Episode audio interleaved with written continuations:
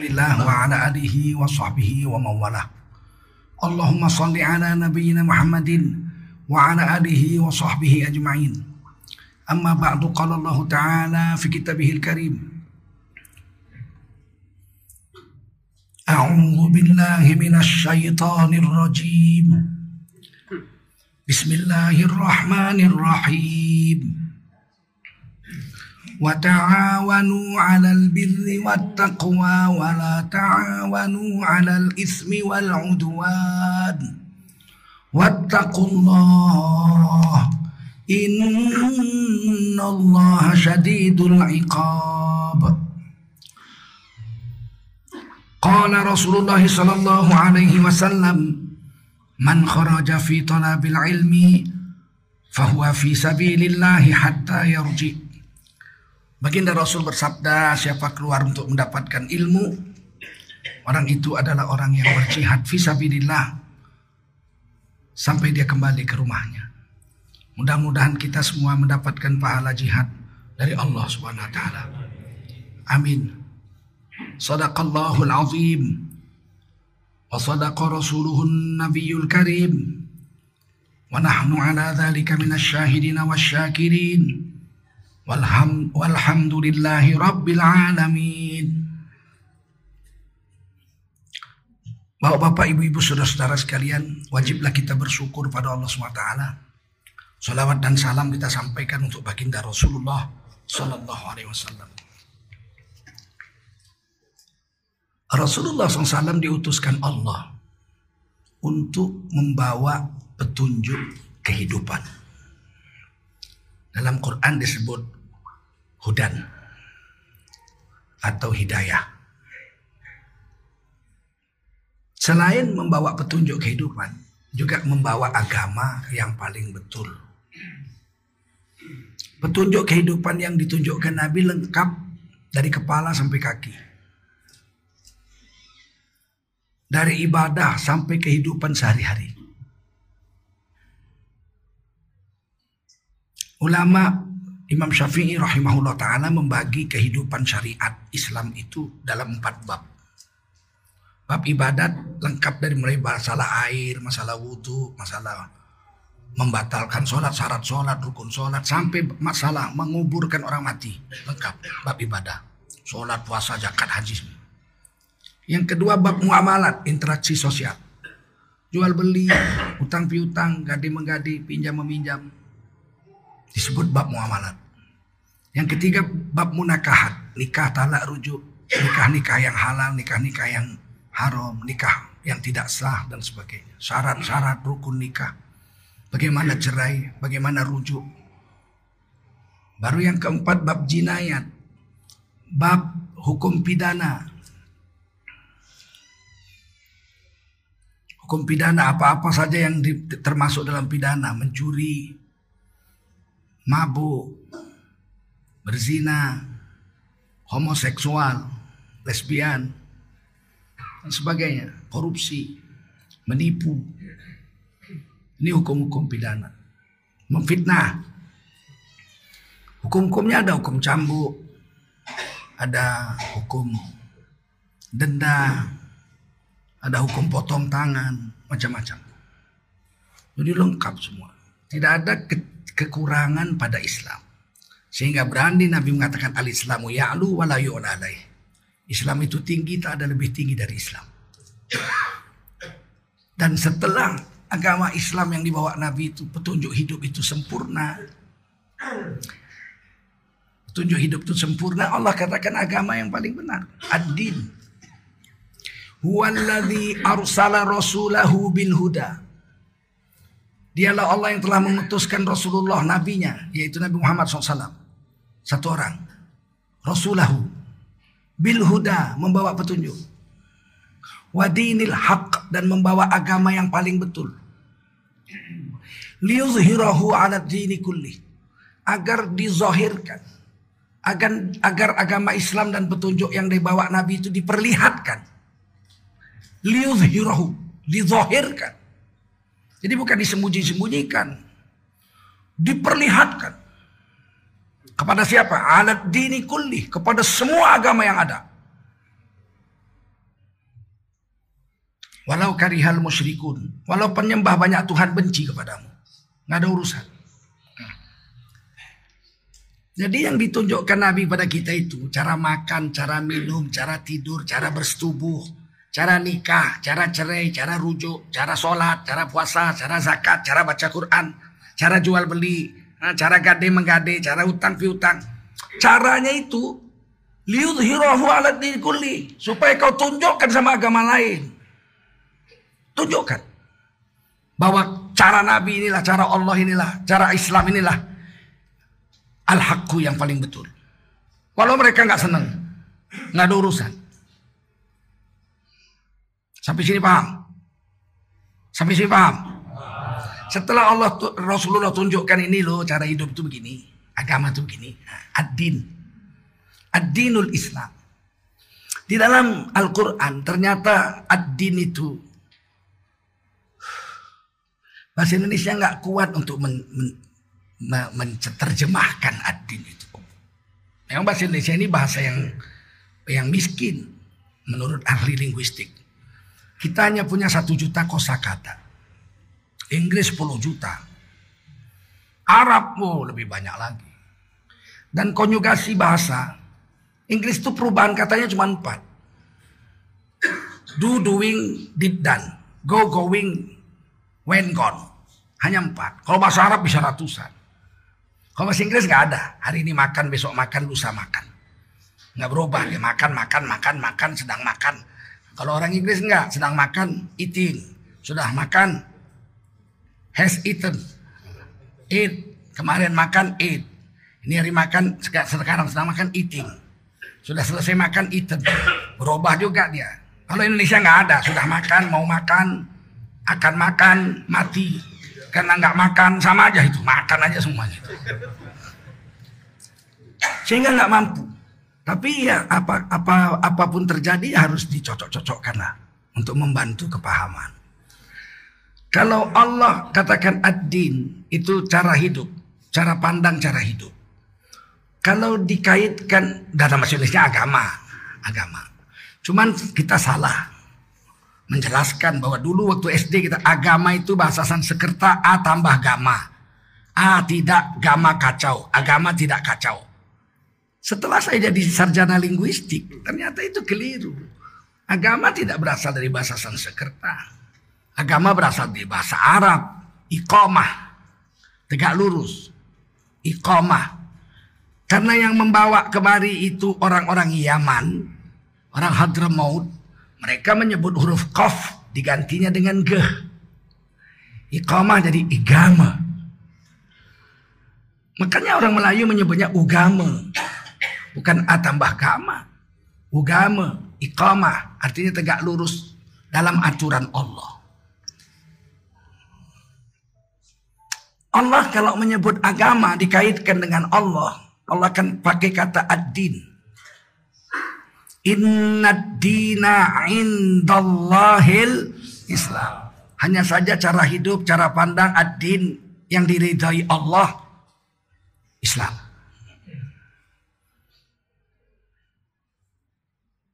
Kalau Allah kaitkan agama dengan Rasul.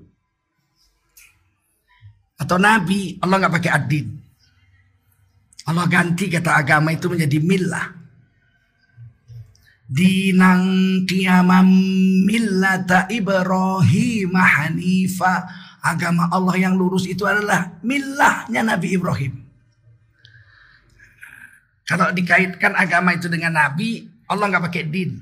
Allah pakai kata mil kalau kita mengubur mayat doanya diajarkan Nabi Bismillahi wa ala millati Rasulillah. Kami tanam mayat ini dengan cara agamanya Nabi Muhammad tapi nggak pakai ad-din Muhammad tapi milah sampai sini paham?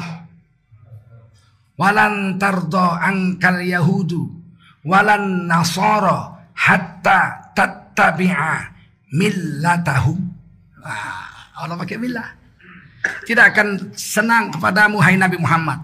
Orang Yahudi dan Nasrani itu. Sampai kamu hai Nabi Muhammad mengikuti milah mereka. Milahnya Nabi Musa atau milahnya Nabi Isa menurut mereka. Pokoknya Kristen atau Yahudi. Kalau agama dikaitkan dengan ulama, sebab nggak ada ulama kita nggak tahu agama. Nabi yang bilang al ulama warasatul anbiya. Ulama itu adalah ahli warisnya Nabi. Kenapa ulama berperan di situ? Karena Al-Quran itu berserak-serak. Belum dibukukan seperti ini zaman itu kan. Mana ada? Ada yang nulisnya cuma di atas pelepah korma. Ya, cuman mungkin surah Wadduha aja di situ yang cukup ditulis. Ada yang di batu, mungkin cuma kulhu Allah aja di situ. Ada yang di kulit kambing, mungkin surah Yasin aja di situ. Serak-serak. Dan semuanya dihafal 30 juz di kepala manusia, di, di dalam hati manusia. Baru dibuat mushaf lebar seperti tikar itu zaman Sayyidina Abu Bakar. Lebar. Satu. Digulung.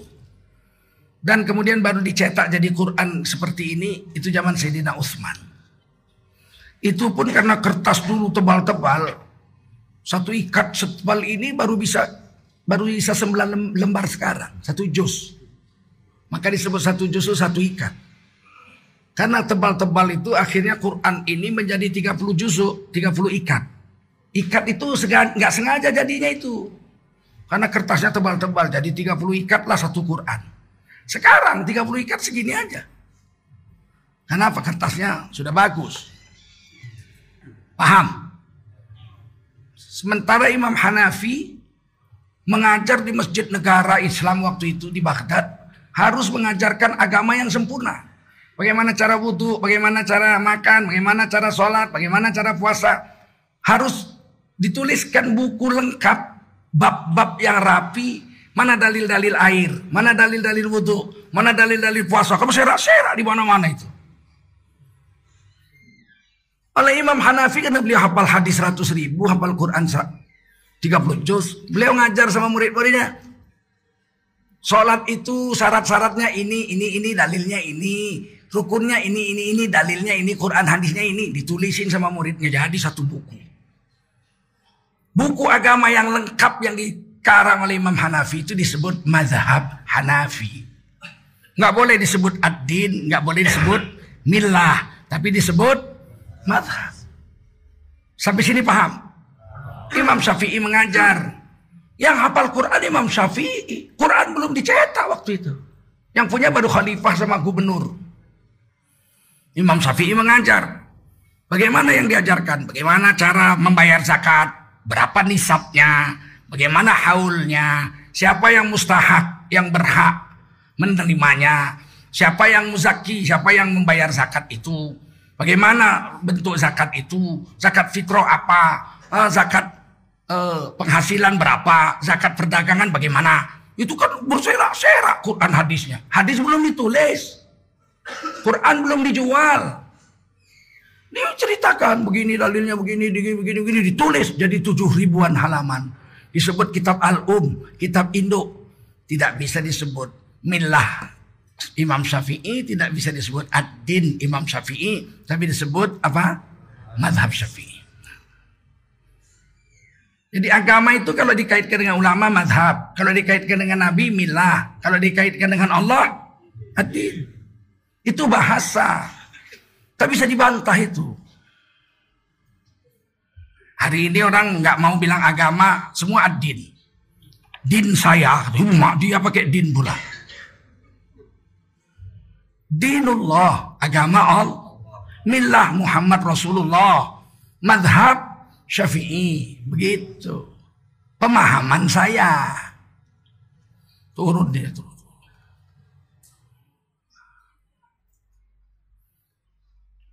Hari ini orang Islam itu nggak paham dia bahwa dia disuruh masuk ke dalam petunjuk yang dibawa Nabi dan agama yang dibawa Nabi itu 100%. Allah katakan ya ayyuhalladzina amanu, hai kamu yang beriman, udkhulu fis silmi kafah. Kau kalau masuk Islam 100%. Dari ujung rambutmu sampai ujung kakimu. Itu yang artinya kafah. Itu dari ujung rambut sampai ujung kuku. Dan lahir batin. Itu yang disebut kafah. Tak boleh lahirnya aja batinnya enggak. Tak boleh batinnya saja lahirnya enggak. Yang dimaksud kafah Lahir batin dari ujung rambut sampai ujung kuku. Sehingga lewat aja orang Islam. Lewat aja. Orang udah tahu dia orang Islam. Lewat aja. Nggak usah ngomong. Sekarang kan nggak bisa kita bedakan.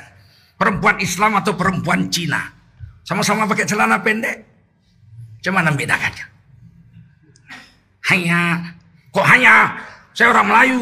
oh. Gak bisa dibedakan. Padahal kalau sudah masuk Islam 100%. Lewat aja orang Islam sudah tahu kita. Betul nggak? Apa laki-laki perempuan. Lewat aja udah tahu. Sekarang nggak tahu kita. Tabrakan bus. Mati empat orang laki-laki. Nggak tahu kita yang mana ini dari yang empat ini yang Islam. Terpaksa dibuka celananya. Oh sunat laki-laki. Oh kulub. Berarti hajab kali orang Islam. Padahal sebetulnya dari pakaiannya udah tahu kita ini orang Islam atau tidak. Betul. Oh, jangan begitu Pak, pakaian itu bebas Pak. Boleh cara barat, boleh cara ini. Enggak. Pakaian itu syariat Islam. Karena berpakaian itu menutup aurat. Kalau menutup aurat hukumnya wa. Kalau wajib berarti syariat Islam. Berpakaian itu syaratnya dua. Berarti syariat Islam. Pertama hilang warna kulitnya. Nggak nampak. Karena dia berpakaian longgar tapi plastik tembus ke dalam. Apakah dia disebut berpakaian atau disebut bertelanjang? Bertelanjang lah. Pula berpakaian. Sah dibawa sholat nggak kalau pakai baju plastik? Berarti nggak berpakaian dia. Yang kedua bentuknya hilang. Kalau dia pakai baju kulit tapi ketat cenut, cenut, cenut. Dia dihitung tidak berpakaian. Sebab berpakaian itu syaratnya dua. Menutup aurat dua syaratnya. Hilang bentuk tubuhnya dan hilang warna kulitnya. Kan syariat Islam. Model bajunya terserah. Modelnya terserah. Tapi kalau syaratnya menutup aurat itu hilang warna kulit dan hilang bentuk tubuh. Maka laki-laki pakai celana ketat sholat. Waktu dia ruku nampak bulatan pantatnya itu. Gimana dia? Katanya dia menutup aurat. Tidak pernah terjadi. Ribuan tahun orang Islam ini lebih 1400 tahun hampir. Yang menutup auratnya suku apa pun dia tak ditutupnya belahan pinggulnya. Orang Melayu itu pakai teluk belanga. Teluk belanga itu jubah dipotong. Ininya sama. Ini kancingnya ini sampai sini juga. Jubahnya itu. Cuman karena kalau pakai jubah panjang loncat paret payah, dipotong sama nenek kita sepaha. Namanya teluk. Kalau teluk belanga dipakai begitu, membungkuk dia rukuk, nampak bulatan pinggulnya tak sopan. Maka ditambahnya kain samping sampai lutut. Ada kain sampingnya orang Melayu itu pakai itu. Untuk apa pakai kain samping sampai lutut? Menutup belahan pinggul. Itu model. Tapi syarat rukunnya harus dua itu nggak boleh hilang. Dan alhamdulillah ditulis di Quran. Cara berpakaian laki-laki ditulis Quran tiga. Modelnya. Dalam surah Al-A'raf ayat 26. Ya bani Adam. Wahai laki-laki anak cucu Adam laki-laki. Manusia maksudnya. Qad anzalna alaikum libasa. Sungguh kami Allah telah turunkan kepadamu laki-laki. Kum. Kepadamu laki-laki. Alaikum. Libasa. Beberapa jenis pakaian. Yang pertama. Yuari sawatikum. Sekedar tutup aurat saja. Pakai sarung aja. Tertutup pusat sampai lutut. Sah tak berdosa lagi itu batas minimal. Pakai sarung tertutup lutut sampai pusat. Walaupun pusat bukan aurat lutut bukan aurat tapi kan payah itu menjaganya kalau pas-pasan nutupnya. Ah, lebih baik ditutup sekalian lutut sama pusatnya. Itu namanya warok berhati-hati. Nah kalau kita sholat pakai sarung aja nggak pakai baju sah apa nggak? Kuat jawabnya sah nggak? Sah. Pantas apa enggak? Nah, coba sholat Jumat besok semua pakai celana jodol. Jadi ternyata Islam ini pun bukan sekedar sah aja. Sah itu syarat minimal. Kurang dari itu nggak sah. Kurang dari itu nggak sah. Jadi kalau kita beramal menurut garis fikih, ya minimal betul itu sudah pas pas-pasan aja. Tak ada lebih apa-apa. Diturunkan pakaian kedua, warisya, pakaian kehormatan, pakaian eksekutif.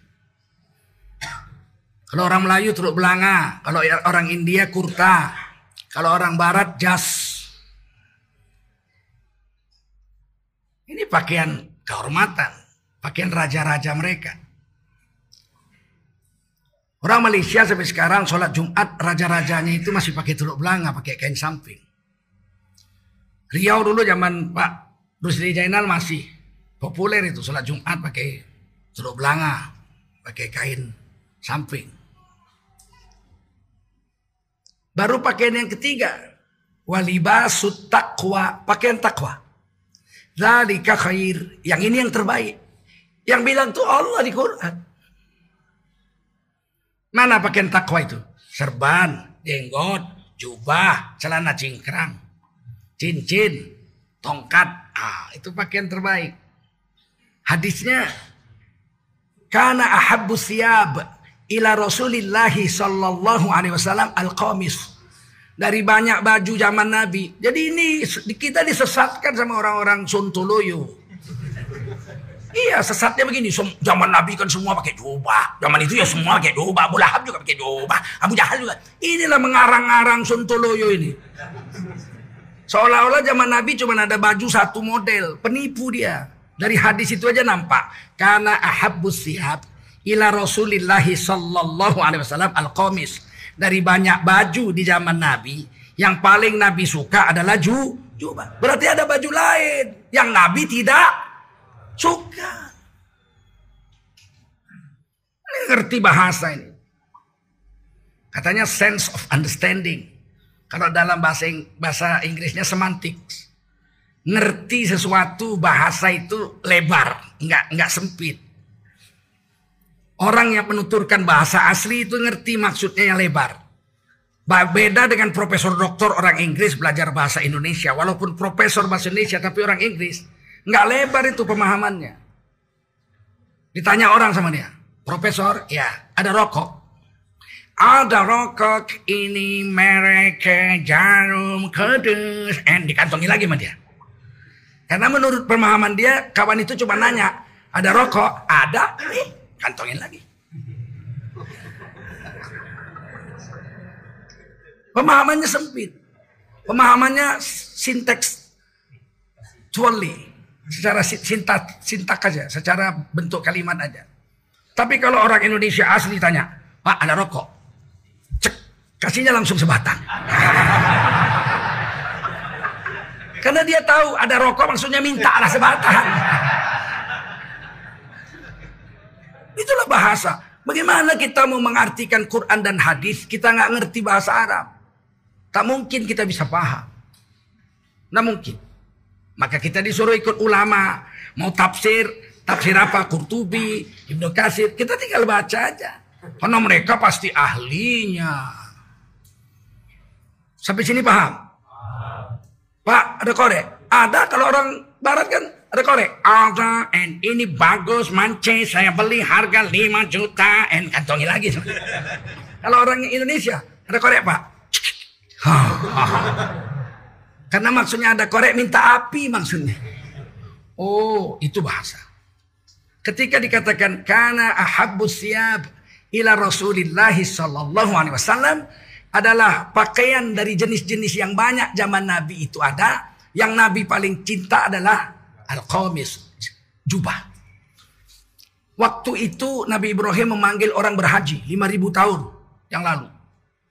Ketika zaman Rasulullah semua manusia berhaji.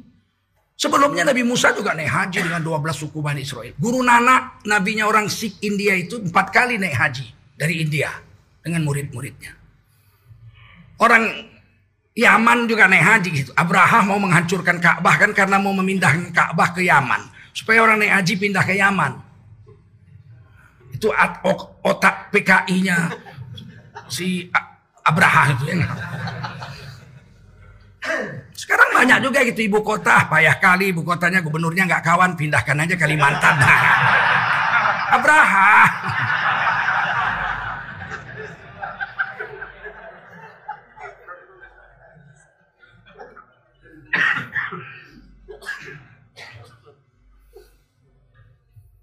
Coba secara logika, orang Yaman datang ke Mekah naik haji, pakai baju Yaman atau pakai baju Mekah? Orang Parsi, kerajaan waktu itu super power dua, Parsi dengan Romawi. Orang Parsi datang ke Mekah pakai baju apa? Pasti pakai baju Parsi. Romawi, oh kerajaan top waktu itu di dunianya dua super power. Seperti Suhail Ar-Rumi orang Romawi datang ke Mekah. Pakai baju apa? Romawi. Romawi. Orang Ethiopia seperti Bilal bin Robah, Zaid bin Harithah datang ke Mekah pakai baju apa? Ethiopia. Setuju? Kalau waktu itu ada orang Jawa naik haji pakai baju apa? Udah pasti pakai pakai belangkon lah dia ya Atau kalau yang rakyat biasanya pakai sarung aja nggak pakai baju. Ya kan kayak film-film silat Jawa itu ya nggak nggak pakai baju. Keris saja bawa sini belakang pula keris itu. Kalau kita Melayu keris di depan. Itu hebatnya orang Melayu. Tak senang kita selesaikan di gelanggang. Orang Melayu begitu lebih baik mati berkalang tanah daripada hidup bercermin bangkai. Mati di gelanggang, kerbau tebusannya. Mati di tempat tidur, ayam tebusannya. Orang Melayu tak senang kita selesaikan dengan keris. Kalau orang Jawa kan keris di belakang. Membunuh orang lembut juga dia, dicabutnya. Kue arep tak pateni.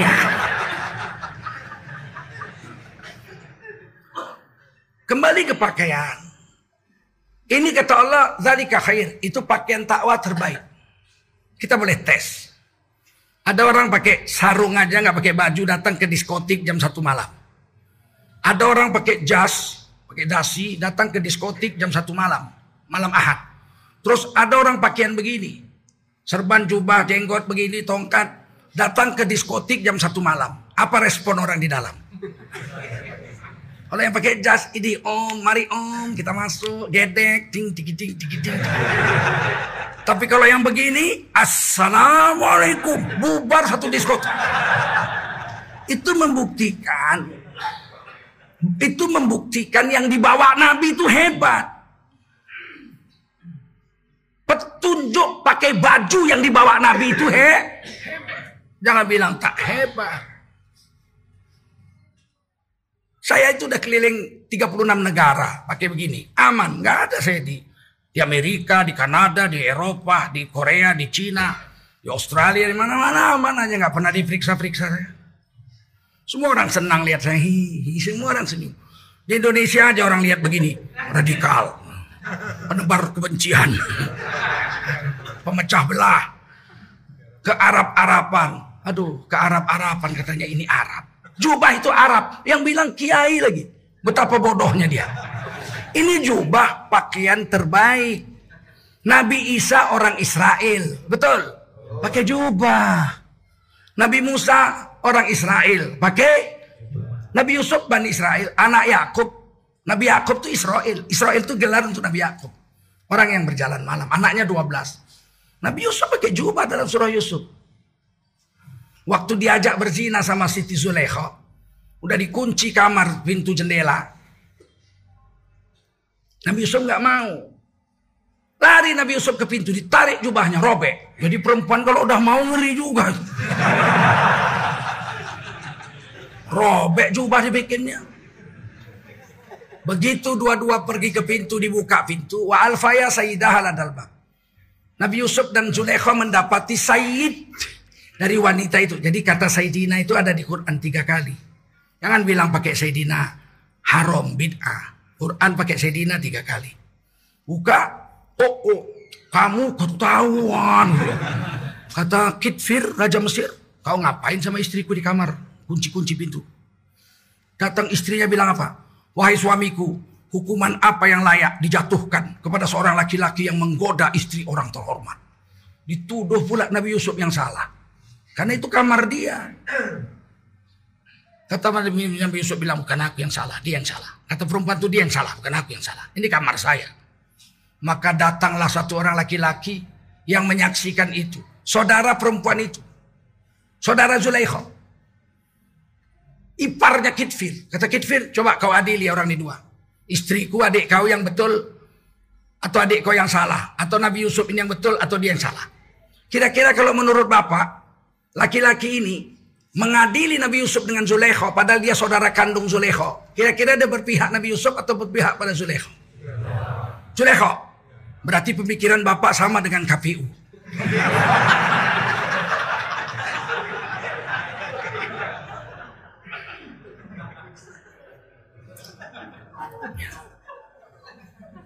Ternyata laki-laki ini berpihak kepada kebenaran. Jarang ada ya. Syahid bin ahli. Seorang saksi yang menjadi hakim dari keluarga si perempuan itu. Apa katanya? Dia berpihak pada kebenaran.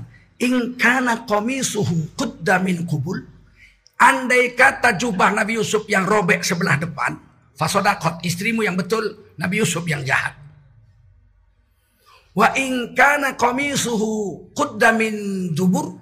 Tapi kalau jubah Nabi Yusuf yang robek sebelah belakang. Fakadabat istrimu pendusta. Nabi Yusuf benar. Ditangkap Nabi Yusuf dicek, robek jubah sebelah belakang. Berarti yang salah Siti Zulaikha Nabi Yusuf lari ditarik. Ini harusnya istri dicerai, ya kan? Atau dihukum ini. Ternyata Raja Kitfir takut sama perempuan.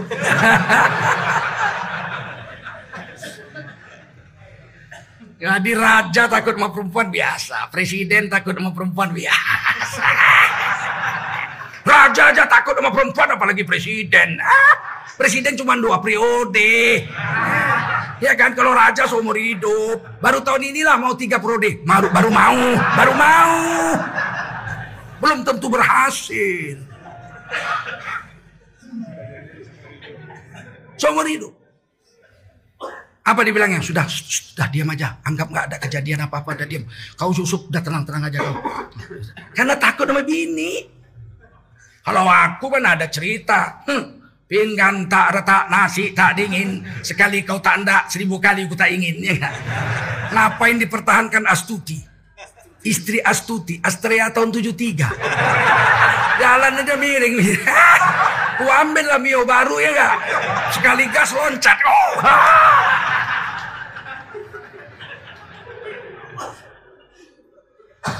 Kesimpulannya ternyata berpakaian itu bukan jubah ini bukan orang Arab. Itulah kadang-kadang. Waktu saya pulang ke Cina, kampung ibu saya, ternyata kakek-kakek saya itu pakainya jubah semua foto-fotonya, lukisan-lukisannya.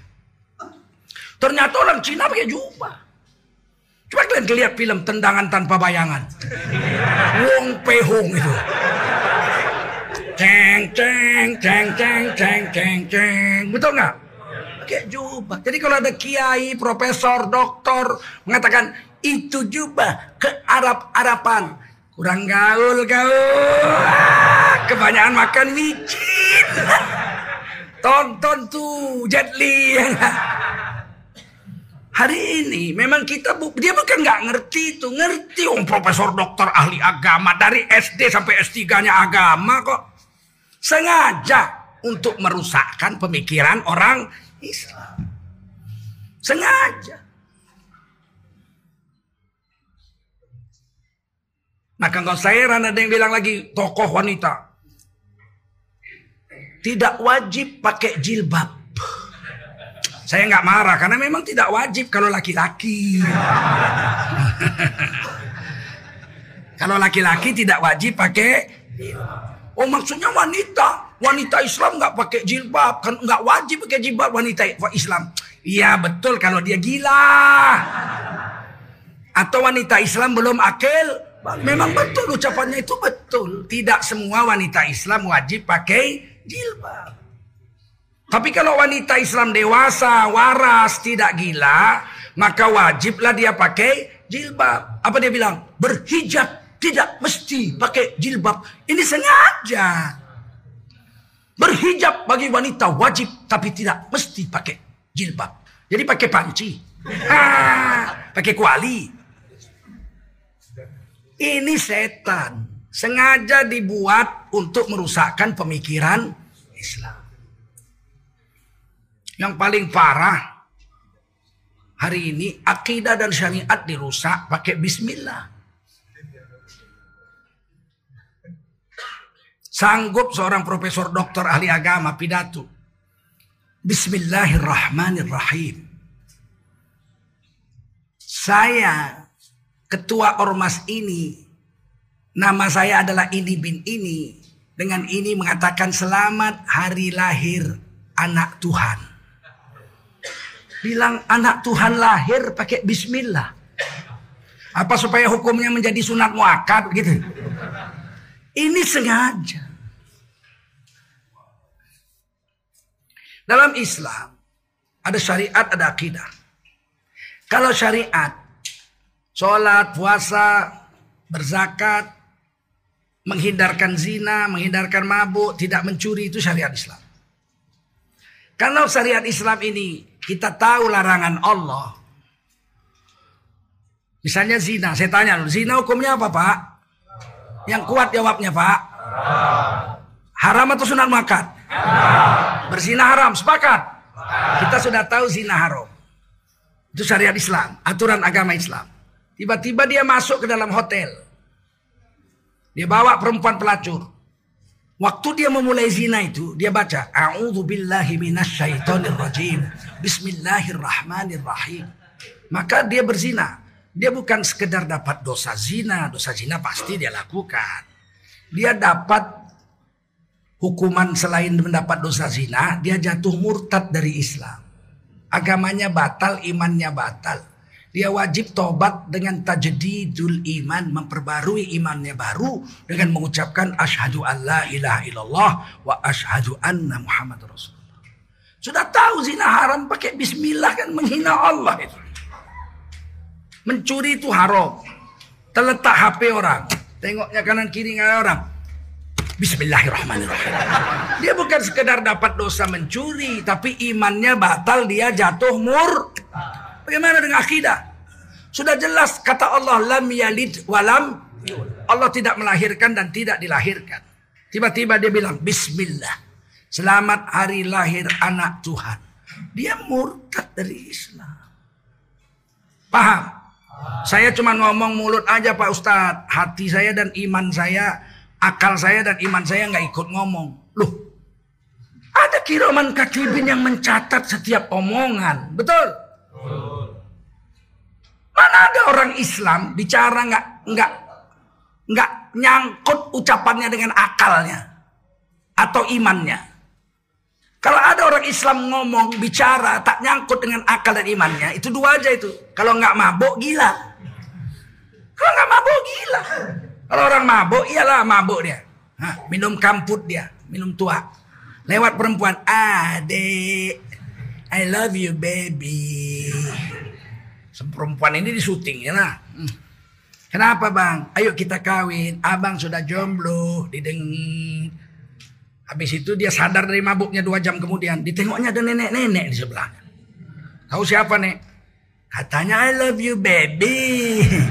Saya yang mau kau ajak kawin tadi. Oh kapan tadi? Oh saya mabuk nek. mabuk. Kalau mabuk iyalah nggak dihitung. Atau gila. Orang gila mana dihitung. Namanya gila. Ada orang gila di rumah sakit gila mancing. Nek duduk di kursi mancing di ember. Datang dokternya. Selamat pagi, bedul. Serius dia mancing. Bedul, selamat pagi. Diliriknya pun nggak dokter tuh. Mancing di ember. Ditepuk dokter tuh bahunya. Bedul, selamat pagi. Lagi mancing ya? Diem. Tak dilirik-liriknya dokter tuh. Asik bener mancingnya ya, bedul. Serius banget dia diem. Capek juga dokter tuh hari ini ya. Dokter kerja dulu ya, bedul ya. Nanti dokter pesen.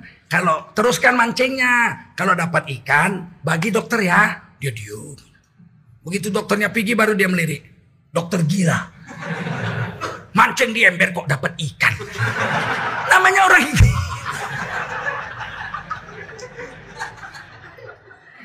Macam mana orang gila mau dijadikan patokan?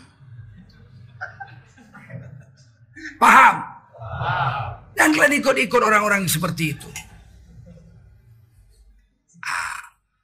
Dalam satu ayat saya ingin bacakan ini manis tentang Nabi Yusuf waktu diajak berzina.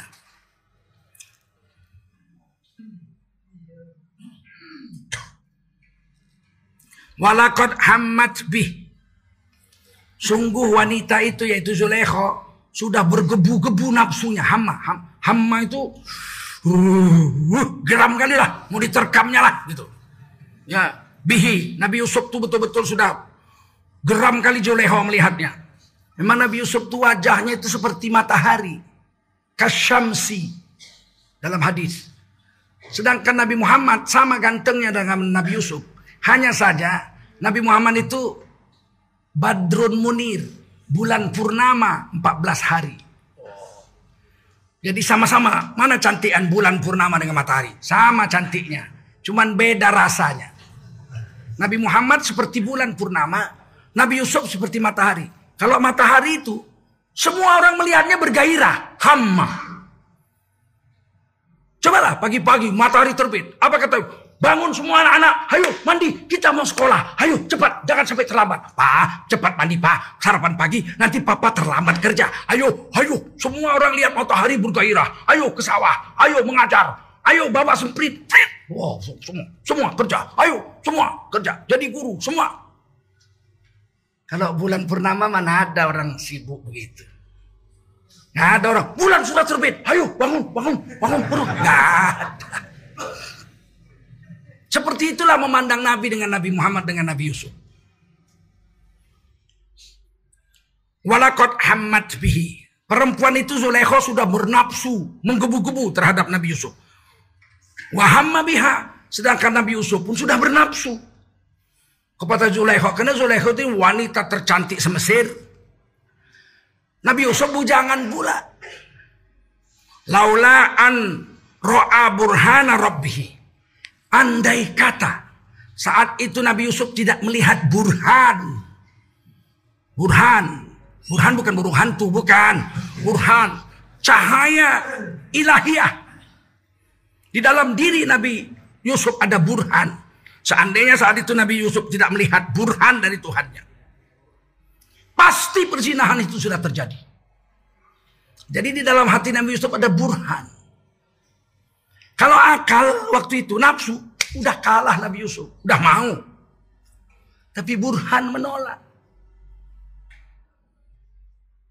Kadzalika linasrifa anhu su'a wal fahsya. Dengan burhan itulah kami palingkan Nabi Yusuf dari perbuatan keji, su, wal fahsya dan mungkar. Apa? Uh, fahsya bukan mungkar. Fahsya, keji. Su perbuatan jelek. Fahsya, keji. Apa bedanya fahsya dengan mungkar? Mungkar perbuatan keji yang merugikan orang. Fahsya perbuatan keji yang merugikan diri sendiri. Ini kan kita sering dengan fahsya wal fahsya perbuatan dosa besar keji tapi merugikan diri sendiri. Misalnya apa? Ngisap narkoba itu fahsya. Duit-duit kita, yang isap kita, yang celaka kita. Fahsya. Jual narkoba, itu mungkar. Karena merugikan orang. Fahsya orang mungkar. Bunuh diri. Bunuh diri itu fahsya. Kita yang bunuh diri, kita yang tikam leher kita, kita sendiri yang mati. Kita yang rugi. Tapi membunuh orang itu mungkar. Merugikan orang. Berzina. Mau sama mau itu fahsya. Mau kau? Mau ayo. Di mana? Nggak ada hotel mahal. Udah bawa pohon bambu itu aja lah. Itu fahsya. Memperkosa orang itu namanya mung. Hampir saja. Kalau tidak ada burhan di hati Nabi Yusuf. Pada saat itu Nabi Yusuf pasti sudah berzina. Dengan burhan itu yang ada di hati Nabi Yusuf. Akalnya dan nafsunya bisa diputar. Sehingga Nabi Yusuf selamat dari perbuatan yang buruk dan perbuatan yang merugikan diri sendiri yaitu fahsya yaitu zina. Innahu min ibadinas min ibadinal mukhlasin. Sesungguhnya Nabi Yusuf termasuk hamba yang mukhlas. Apa mukhlas? Orang yang ikhlas yang dijadikan langsung oleh Allah. Kalau mukhlisin, mukhlis orang yang ikhlas karena dituntutnya lama. Berusaha, berusaha, berusaha untuk ikhlas. Setahun, dua tahun, sepuluh tahun berusaha untuk ikhlas. Jadilah dia mukhlis. Tapi kalau mukhlas itu nggak nuntut-nuntut tiba-tiba hatinya udah diletakkan Allah aja sifat ikhlas. Nabi Yusuf mukhlas. Kita mungkin kalau belajar bisa jadi muh mukhlis. Itu bedanya. Ini yang saya mau kasih tahu. Kalau hanya bersandar pada akal, kita celaka, Anak-anak kita celaka. Sebab akal ini berubah-berubah dia. Kalau nafsu naik, akal kalah. Bahkan kalau nafsu besar, iman kecil, iman pun kalah. Jangan dipikir. Orang-orang yang melakukan pendosa itu tidak tahu hak agama. nggak tahu hukumnya. Bahwa itu haram. Tahu. Pelacur-pelacur ditangkap Satpol PP malam-malam. Dibawa kantor polisi. Bawa kantor Satpol PP. Keluarkan KTP. Dilihat. Aminah namanya. Kau Aminah? Aminah om. Orang Islam kau. Yo, nenekku aja dua kali nih haji om. Kok kau jadi pelacur? Macam mana lah om, kepepet. Apa hukumnya melacur? La ilaha illallah, haram lah om, masa sunat muakat. Kenapa dia tahu haram dia kerjakan? Sebab akal dan imannya kalah dengan nafsunya. Kita mau menyelamatkan anak kita, remaja-remaja kita, istri kita itu dengan apa? Dengan burhan. Tanamkan kepada mereka kebiasaan sholat, kebiasaan baca Quran. Nanti ketika terjadi pertempuran antara hak yang batil, dia diajak berzina misalnya, nggak ada orang berdua saja, hatinya mengatakan jangan, hancur kau nanti di akhirat. Itu burhan. Akhirat tenang aja, habis zina kita tobat. Allah maha pengampun. Itu setan itu. Terbayang wajah ibu. Aduh, kalau aku berzina, ketahuan sama orang kampung. Betapa hancurnya hati ibuku. Ibuku membesarkan aku susah payah. Janda ibuku. Cari makan, dihina-hina orang. Sudah besar aku berzina, tahu nanti ibuku alangkah hancurnya perasaan ibuku. Tidak jadi. Itu burhan. Kita mau tanamkan burhan itu supaya anak-anak kita selamat. Burhan yang paling kuat itu adalah Al-Quran. Suruh anak kita baca Quran tiap hari, baca Quran tiap hari. Ketika nanti dia bertemu dengan satu persoalan, dia harus memilih. Pilih yang haram atau pilih yang halal. Akal udah ketutupan, sudahlah kita miskin. Yang halal, yang haram aja susah dapat. Apalagi yang halal, kata setan. Dia bilang apa? Tidak. Lebih baik aku mati kelaparan. Daripada aku memilih jalan yang haram. Itu burhan. Maka saya datang sini dengan anak-anak komunitas Riau Mengaji ini. Mereka target mau mencetak sejuta Quran. Maka saya semangat datang saya. Indonesia sejak zaman Belanda sampai zaman sekarang ini baru 52 juta Al-Quran yang dicetak. Baru 52 juta Al-Quran. Dari zaman Belanda sampai zaman sekarang.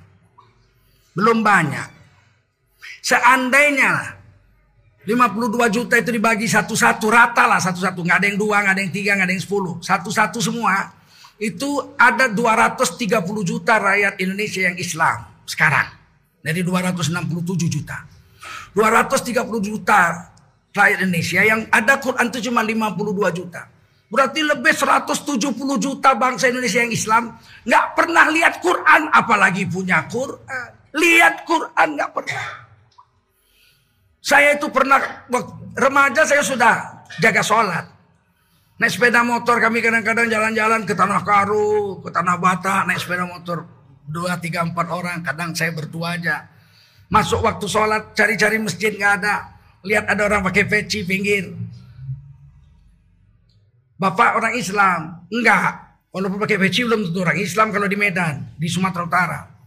Kami bukan orang Islam pak. Apa anak katanya. Kenapa kau tanya? Kami mau sholat pak. Cari-cari masjid nggak ada. Ah naik aja kau sini katanya. Di rumah kami kau sholat. Dia tidak Islam.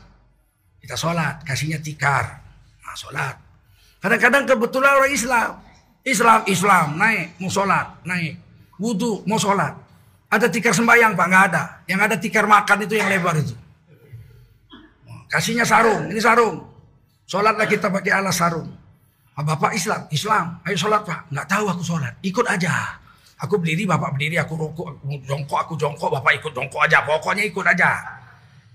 Dia pun ikut. Sekali inilah baru aku sembahyang, ayo ikut aja. Bayangkan tikar sembahyang nggak punya. Iseng-iseng saya tanya, ada Quran pak? Mana ada? Udah pernah bapak lihat Quran? Gak pernah aku lihat macam mana Quran itu. Jangankan membacanya. Bapak punya surah Yasin? Tidak ada. Yasin aja gak ada. Kadang-kadang punya Yasin udah robek-robek, udah telanjang, gak ada lagi sampulnya. Dari mana ini? Ini dari kakekku katanya. Bagaimana kita pemikiran kita, bagaimana semua orang Islam punya Quran.